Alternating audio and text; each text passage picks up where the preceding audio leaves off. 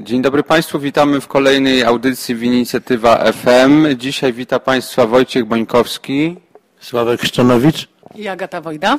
Agata Wojda, szefowa kuchni restauracji Opasły Tom. Dzisiaj porozmawiamy o świętach, bo idą święta. I moje pierwsze pytanie do gości, co właściwie będziecie jedli na Wigilię? Ja będę na Wigilii, moje ulubione święto, do ulubiony dzień do jedzenia. Ja jem kapustę, kapustę, absolutnie kapustę w każdej postaci. To jest moje najważniejszy dodatek do świąt. Dla mnie to też najważniejszy dzień, jeśli chodzi kulinarnie. Ryby, ryby, ryby, ryby.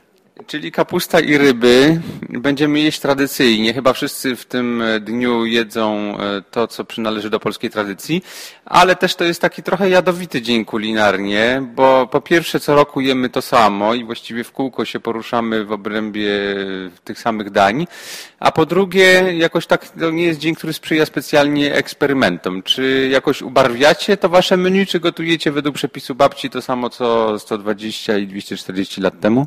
Ja myślę, że 240 lat temu tak. Ja ostatnio, jak tak sobie grzebałam trochę w naszej tradycji, to oczy zrobiłam gigantyczne, bo okazało się, że to, co my naprawdę jemy w ten dzień, to jest tak nieprawdopodobna tradycja. Słuchajcie, to się od zawsze jadło.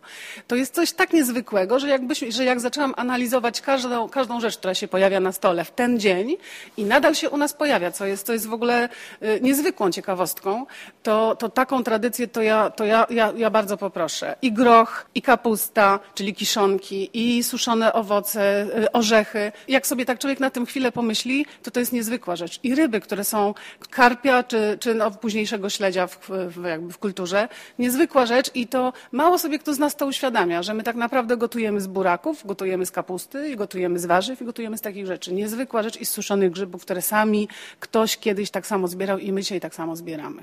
No tak, moi znajomi we Francji byli wstrząśnięci, że można jeść zupę z buraków. To było kompletne zaskoczenie. Ja bardzo tradycyjnie. Tak naprawdę gotujemy sobie razem we dwójkę. To rzeczywiście są takie stare przepisy. Jedyną nową, nową rzeczą, tak, sandacz był rewolucją, prawdę mówiąc, pewną, chociaż kiedyś on był na stołach bardzo powszechny w Wigilię. Natomiast ostatnio słabo jest wszystkim zakupem. Ale taką rewolucją też dla mnie był śledź na czerwono. To akurat Agnieszka mi podała Kręglicka w zeszłym roku ten przepis i to rzeczywiście furorę zrobiło w roku ubiegłym, także pewnie powtórzymy to.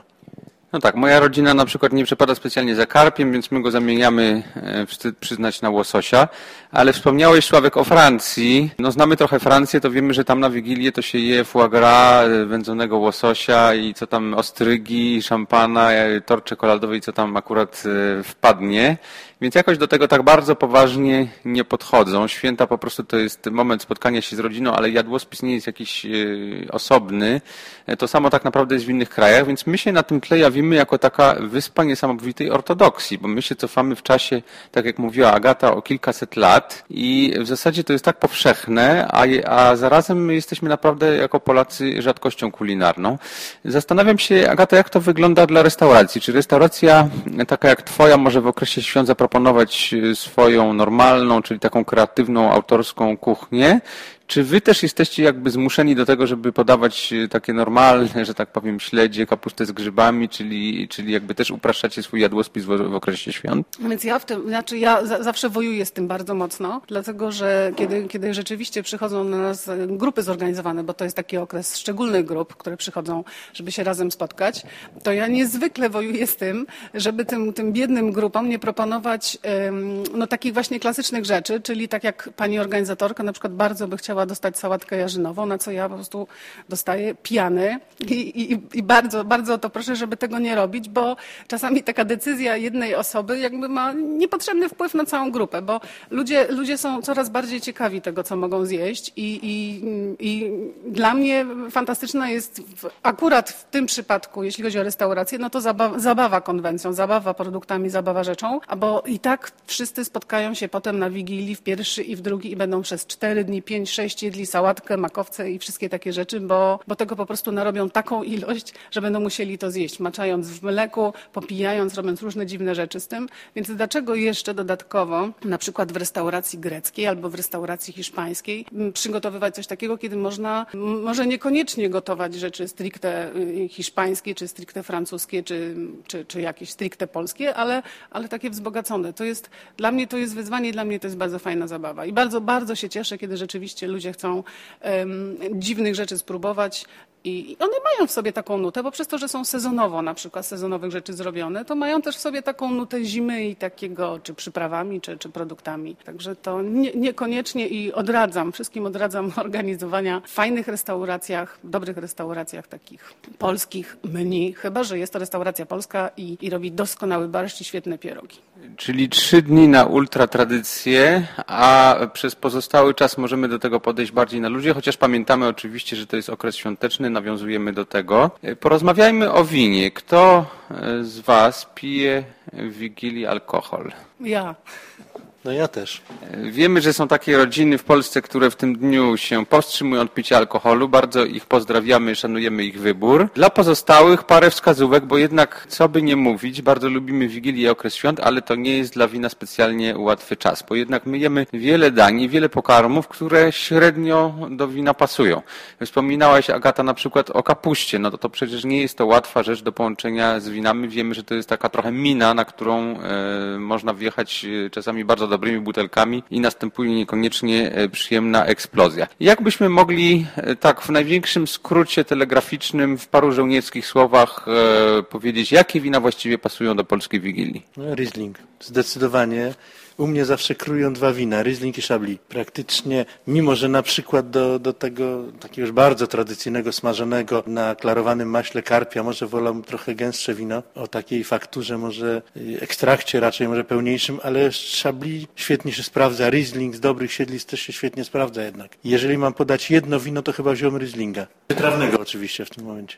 Riesling i Chablis, czyli wina, które mają ze sobą wspólnego to, że są białe i chyba możemy powiedzieć, powiedzieć, że wino czerwone do Wigilii będzie na pewno mniej pasowało. E, po pierwsze skupiamy się na rybach, więc to naturalnie nas kieruje ku winom białym, a po drugie właśnie mamy takie e, niektóre miny smakowe, którym też będzie bardziej sprzyjało wino białe. I jeszcze jedna cecha wspólna Chablis i Rieslinga to jest jednak kwasowość, tak? Czyli to są wina wysokokwasowe, to nie będzie dzień na jakieś bardzo beczkowe chardonnay czy na inne e, tego typu okrągłe, bogate wina, bo jednak i w tym, co jemy, mamy dużo kwasu i w kapuście i w jakichś jakichś marynatach. W słonym śledziu też jest taka wyraźna kwaskowata nuta, więc wybieramy przede wszystkim wina, które będą odpowiednio e, do tego e, pasowały. Czy wino czerwone? Zupełnie nie. Czy są takie sytuacje, w czasie Wigilii, kiedy możemy jednak e, podać? Znaczy ja unikam, bo Oczywiście do, do pieczonej ryby, do, do smażonej ryby mógłbym znaleźć pewnie łatwo lekkie wino czerwone, które pewnie przy okazji do kapusty by pasowało również. Niemniej Wigilia to też nie jest dla mnie mimo wszystko taka okazja, gdzie tych win chcę stawiać na stole jakiś zastęp i dobierać do dań. Raczej używamy tego wina tylko dla podkreślenia dania, więc wybieram takie, które Riesling na przykład będzie mi pasował i do kapusty, i do większości ryb, do sałatek, y, czyli jest to takie danie, którego umiarkowane rzeczywiście małej ilości mogą posłużyć jako ta przyprawa niechętnie sięgną po czerwone, bo to mnie zmusza od razu do podania przynajmniej dwóch win. Możemy, jeżeli chcemy, możemy do pierogów na przykład z kapustą, do grzybowej zupy, ja nawet lubię podać lekkie wino czerwone do smażonej ryby. Wybierajmy wtedy wino czerwone jak najlżejsze. Beaujolais, myślę, że to dobry moment na tego typu wino. Pinot Noir, ja też lubię na przykład czerwone wina z Austrii, byleby były stosunkowo lekkie, mało beczkowe. No, wtedy musimy podać dwa wina, bo jednak na początek posiłku musi być wtedy wino białe. Jeżeli chcemy podać tylko jedno za namową Sławka, to wybierajmy wino białe. Powiedziałeś Riesling, ale przecież Rieslingi są różne i jakiego Rieslinga byś najchętniej wybrał, gdybyś właśnie miał e, skupić się tylko na jednym winie do całej wieczerzy? Szukam albo Rieslinga alzackiego, ale wytrawnego i na to trzeba zwracać uwagę, bo w ostatnich czasach bardzo wiele alzackich Rieslingów ma sporo cukru resztkowego. To pewnie jest związane ze zmianami klimatycznymi. Trudno im jest po prostu często y, opanować y, tą dojrzałość gron i powiedzmy złapać równowagę z kwasem, więc szukałbym tego Rieslinga wyraźnie zaznaczonego. Wielu winiarzy stosuje taką skalę gdzieś na kontretykietkach, które się pozwalają zorientować, czy to jest mniej czy bardziej wytrawne wino. Ewentualnie Riesling mozelski, który ma też szereg zalet, ale też szukam zdecydowanie troken, co w niemieckim wykonaniu na ogół jest lekko półwytrawne, ale tak akurat, może kabinet jakiś lekki, na pewno z, nie, z niedużą ilością cukru. No to parę słów o tym, jak wybrać takiego alzackiego Rieslinga, żeby on był wytrawny, bo dzisiaj wino alzackie możemy kupić y, w supermarkecie już nawet od dwudziestu paru złotych. Czasami nawet poniżej. Wydaje mi się, że warto wydać troszkę więcej, 35-40 zł to już jest cena przyzwoitego alzackiego Rieslinga supermarketu lub z małego sklepu winiarskiego i szukajmy na kontretykiecie albo słowa sec czy dry, bo czasami w opisie się pojawia charakterystyka tego wina. Na przedniej etykiecie na winach alzackich to nie jest napisane, więc musimy tę informację jakby wyłuskać albo z tylnej etykiety. Względnie czasami pojawia się tak zwany indeks i tutaj, tak jak powiedziałeś, alzaccy winiarze czasami w skali od, jeden, od 1 do 5 albo od 1 do 9 oznaczają wytrawność czy słodycz wina.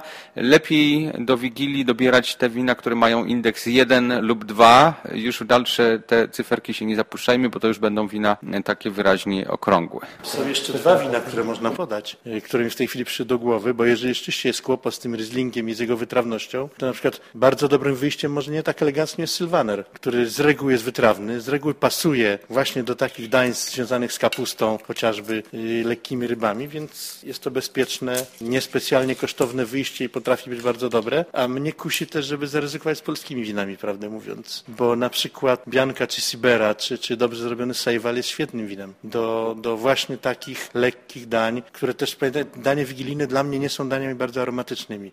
One są zawsze stonowane lekko. To wszystko jest zniuansowane i, i podobne wina. Tak, to są dania przede wszystkim pożywne, Słuchajcie, a tak po kobiecemu nie można by również tak pomyśleć trochę, że w ten jakby fajnie, fajnie do takich rzeczy pić jakby wina, które pochodzą z rejonów bardzo zbliżonych do naszego klimatu, czyli na przykład ja bym tam powędrowała sobie w Austrii, powędrowałabym może w Węgry. Co wy na ten temat myślicie? Może coś, coś węgierskiego? Myśmy tutaj dali radę? Cieszę się, że o tym wspomniałaś, bo dla mnie to nie Riesling jest takim e, winem uniwersalnym, wigilijnym, tylko raczej Furmint, tam często też mamy wybór pomiędzy winem bardzo wytrawnym albo lekko półwytrawnym. Wydaje mi się, że on przez taką większą rustykalność, troszkę aromatów E, przez mniejszą taką swoją aromatyczność właśnie lepiej troszeczkę pasuje do Wigiliny, ale to jest oczywiście e, kwestia smaku. Furmint jak najbardziej. E, wspomniałeś Sylwaner, alzacki lub też niemiecki, chociaż niemiecki Sylwaner jest w Polsce dosyć trudno kupić, a szkoda, bo to też by było wino pasujące. A z win austriackich, no na pewno Grüne Veltliner będzie tutaj miał używanie, bo to znowu jest wino mniej kwiatowe, mniej egzotyczne niż Riesling, bardziej takie właśnie konkretne i będzie też odpowiednie do kuchni z uwagi na to, że często ma jednak więcej ciała niż Riesling, a do takich dań jak właśnie duszona kapusta czy smażona ryba, no to jest jednak potrzebne jest wino, które ma troszeczkę ekstraktu, nie może być takie wino mm, zupełnie aperitifowe.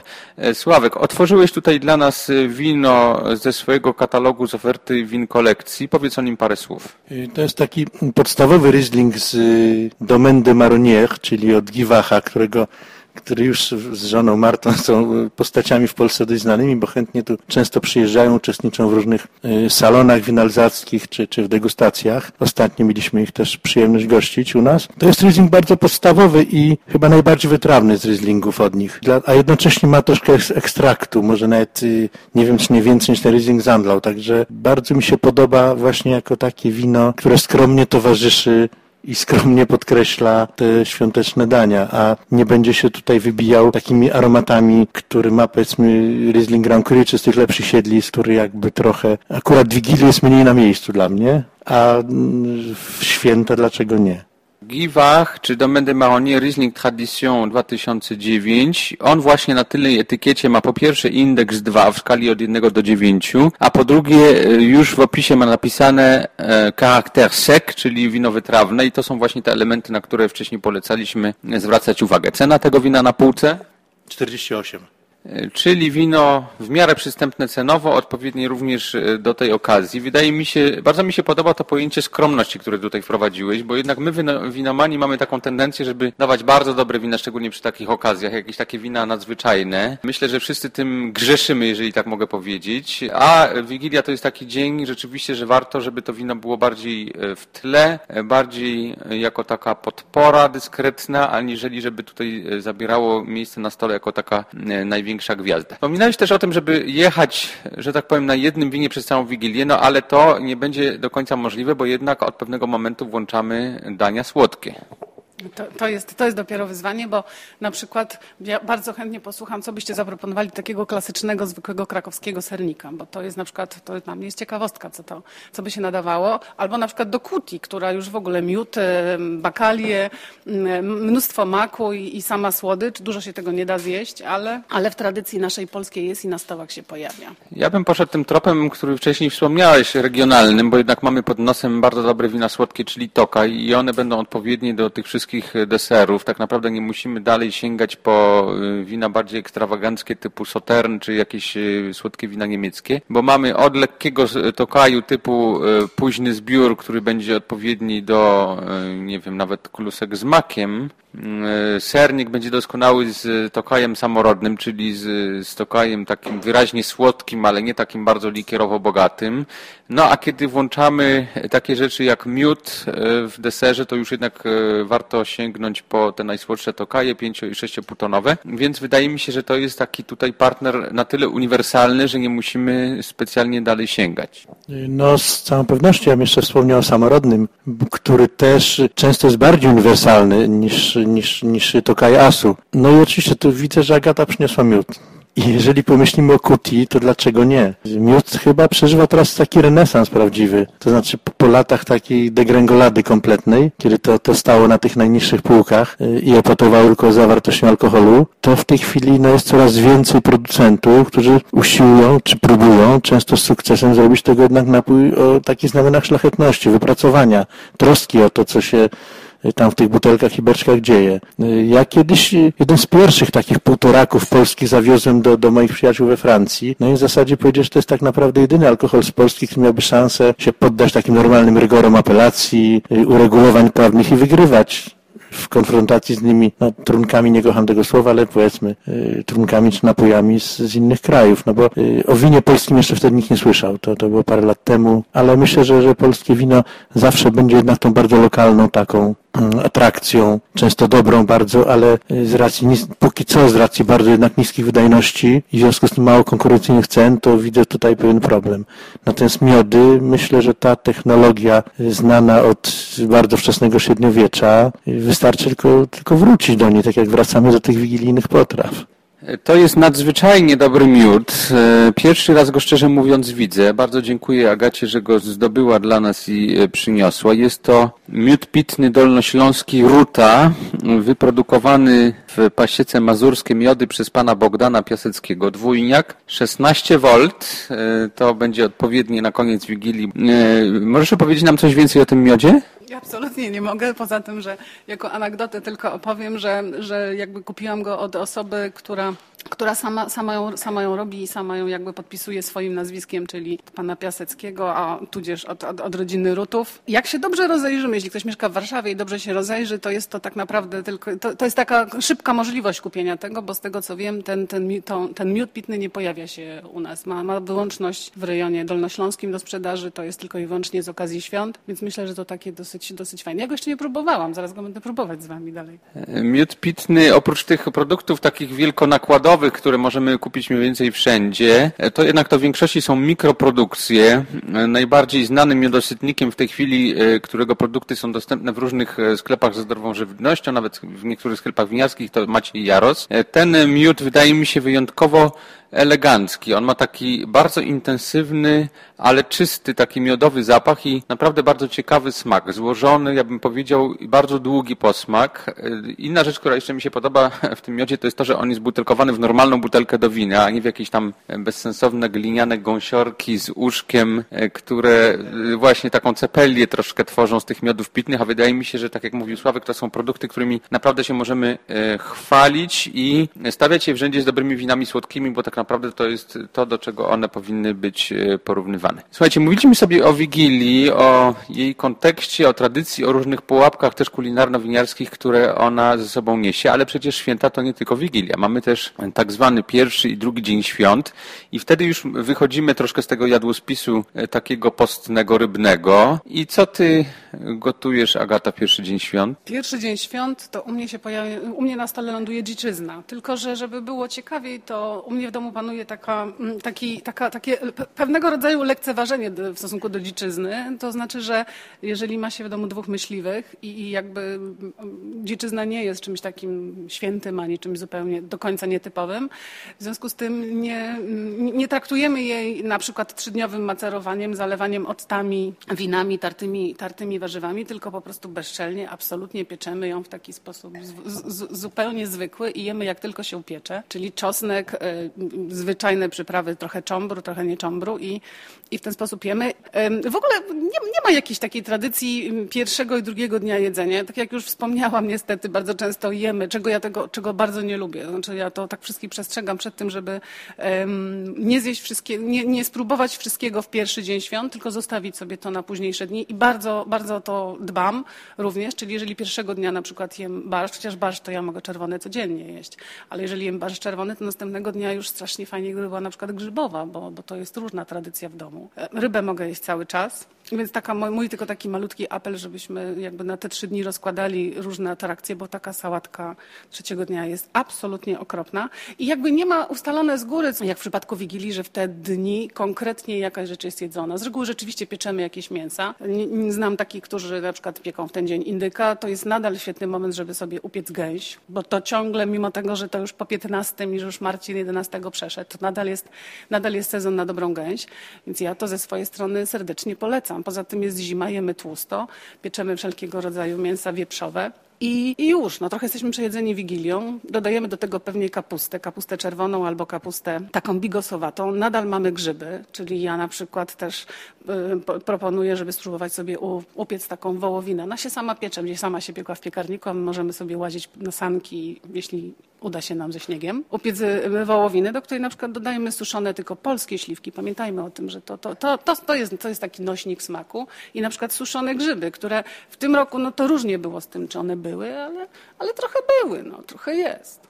Tak, to jest taki trudny dzień, chyba pierwszy dzień świąt, bo właśnie tak jak powiedziałeś, jesteśmy już bardzo najedzeni, ale jemy jeszcze więcej i chyba nawet ciężej, bo jednak jest ta pieczeń. E, ty mówisz grzyby, kapusta byłoby fajnie, ale często to są też kluski albo e, święte polskie ziemniaki, więc e, jakby napięcie rośnie. Wydaje mi się, że tutaj wino jest potrzebne, bo jednak wino wspomaga trawienie. Pamiętajmy o tym, że będzie ułatwiało zjedzenie tego wszystkiego. Zatem apel, po pierwsze nie jedzmy resztek, po drugie popijajmy winem. Już w pierwszy dzień świąt na pewno wolno, e, nawet jeżeli w Wigilię się powstrzymujemy. No i mamy takie dwie sytuacje, bo często mamy jednak to świada, śniadanie świąteczne, czyli jemy rzeczy zimne, niezależnie od tego, czy to są z poprzedniego dnia, czy właśnie wchodzą wędliny, czy pasztety, do takiego zimnego bufetu, Sławek. Uniwersalne wino, które ty byś najchętniej polecił. Musujące, delikatne. Y, aczkolwiek ja powiem, że w odróżnieniu od Madame Boulanger ja nie, nie pijam y, wina musującego do śniadania śniadania, w ogóle do śniadania raczej nie piję, ale nie jest to jakaś ortodoksja. Po prostu potrzebuję się dobrze obudzić, zacząć się cieszyć dniem, żeby, żeby postawić sobie kieliszek wina. Natomiast wiem, że, że do takiego zimnego bufetu świetnie dopasuje i to właśnie potrafię połączyć i wędliny, i jakieś lekkie sałatki, dania zupełnie wegetariańskie. Więc myślę, że, że takie lekkie, wytrawne wino usujące z niezbyt dużą kwasowością jednak bym wolał wtedy. Bo, bo pamiętajmy, że te bąbelki też już dają pewne odczucie kwasu. Prawda? To myślę, że to może być fajne. No to wprowadzamy taki zwyczaj trochę francuski, ale ja uważam, że to jest bardzo dobry pomysł, czyli naprawdę otwierajmy, no może nawet szampana, bo w końcu święta Bożego Narodzenia są raz do roku. E, szampana lub inne wino musujące, może być francuskie cremant, dostępne prawie wszędzie w tej chwili, bardzo przystępne cenowo, bo już od 20 paru złotych, albo hiszpańska katalońska kawa, o której piszemy przez cały grudzień na inicjatywie, czyli wino musujące produkowane metodą szampańską, również powszechnie dostępne, również niedrogie, przystępne cenowo, a często naprawdę bardzo dobre w swojej cenie. I ono będzie pasowało do różnych dań zimnego bufetu, a jednocześnie będzie też budziło zmysły troszeczkę zmęczone tym poprzednim dniem, bo przecież po wieczerzy wigilijnej mamy e, prezenty, potem śpiewamy chórem kolendy, wszystkie 48 kolęd z tradycyjnego repertuaru, więc zazwyczaj to się kończy już wszystko e, bardzo późno.